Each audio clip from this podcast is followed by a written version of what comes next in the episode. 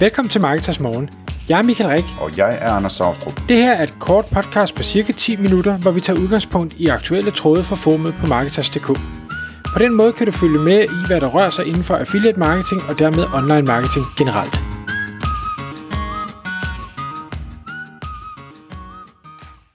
Godmorgen Michael. Godmorgen Anders. Klokken er 6, og det er igen tid til Marketers Morgen podcast. Og i dag, Michael, der skal vi tale om sådan en slags øh, forretningsnyheder. Fordi at øh, du har været ved at kigge på nogle tal øh, fra en undersøgelse omkring, hvordan e-commerce markedet har udviklet sig her under coronakrisen. Og øh, det gælder for UK og for US, altså England og USA, eller Storbritannien og USA. Og øh, det er nogle voldsomme tal. Og vi tænker i dag at prøve at tale lidt om, hvad det er, man kan se ud af de her statistikker, og, og også brede det lidt ud og spekulere lidt om det her det er noget, der fortsætter, og hvorfor egentlig det er, det sker. Fordi vi kender jo også øh, en lignende udvikling for Danmark, kan man sige. Absolut.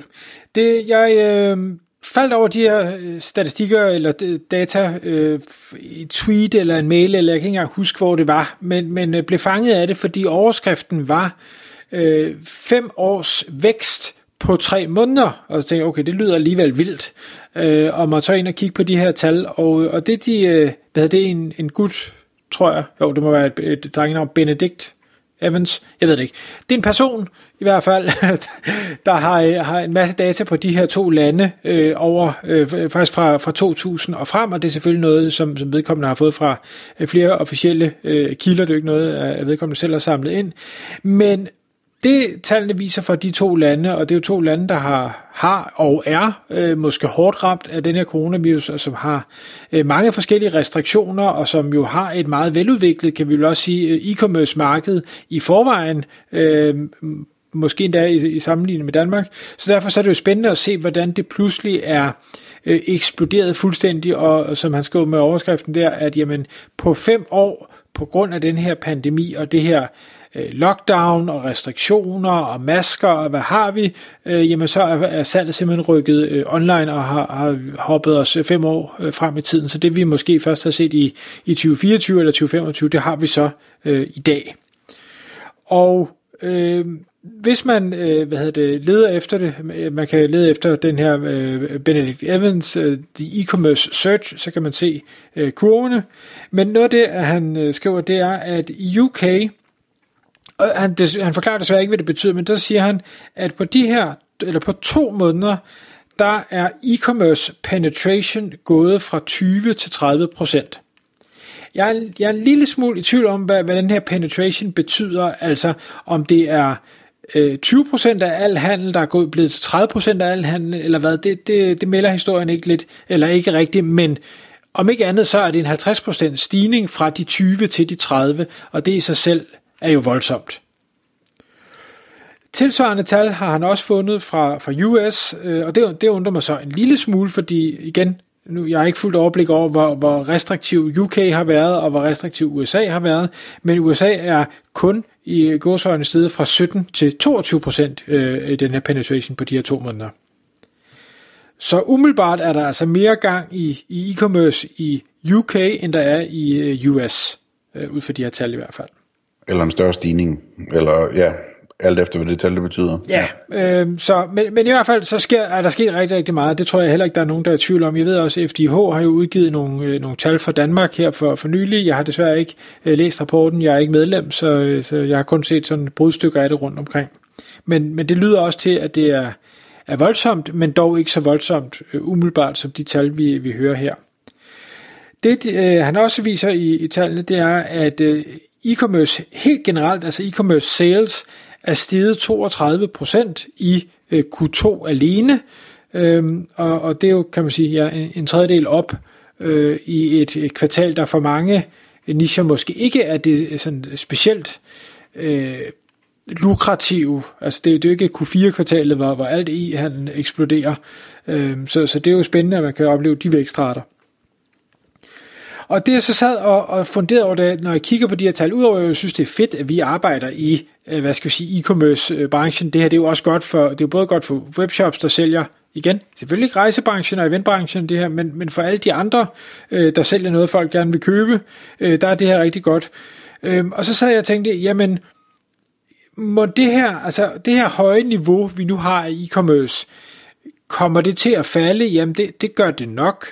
Øh, det er lidt ligesom antallet, eller, eller hvad skal vi sige, omfanget af de restriktioner, der er indført, tror jeg afspejler sig direkte i øh, online-handlen. Altså, jo, jo øh, mindre du må gå ud og forlade din bupæl, jamen, jo mere handler du online.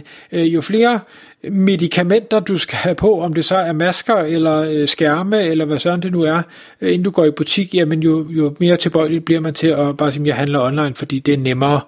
Øh, så jeg tror også, hvis vi kommer til at se nogle, øh, nogle flere bølger fremadrettet, øh, at, at så vil vi se øh, det, det fald, der måske er, er sket, at det, det simpelthen, at vi, vi stiger igen. Øhm, og på et eller andet tidspunkt, så, så går den her pandemi forhåbentlig over, eller vi finder en, en vaccine eller et eller andet.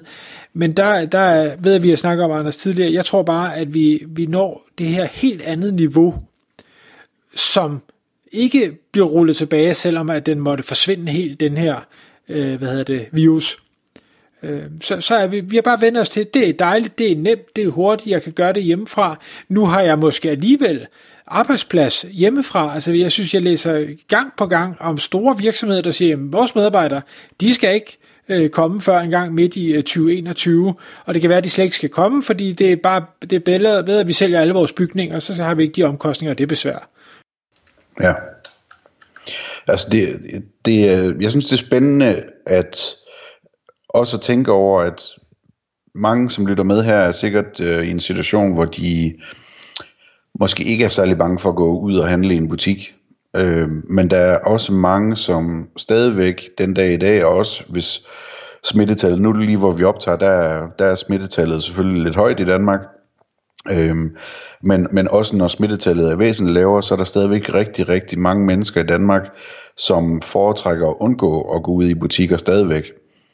Øh, jeg, har, jeg har lige talt med nogle stykker i dag omkring øh, Black Friday, som kommer på snart jo, øh, og hvor, hvor alle siger samstemmende, og det er altså folk, som sådan er, er yngre, og som normalt måske ikke vil passe så voldsomt meget på, øh, men jo altid sam, øh, samstemmende, de skal ikke nyde noget, ud af, øh, noget af at gå ud i den der sådan Black Friday craze der i, øh, i en stor butik øh, med folk, der mylder og råber og, og, og så videre og så videre. Det, det, det skal man ikke have noget af.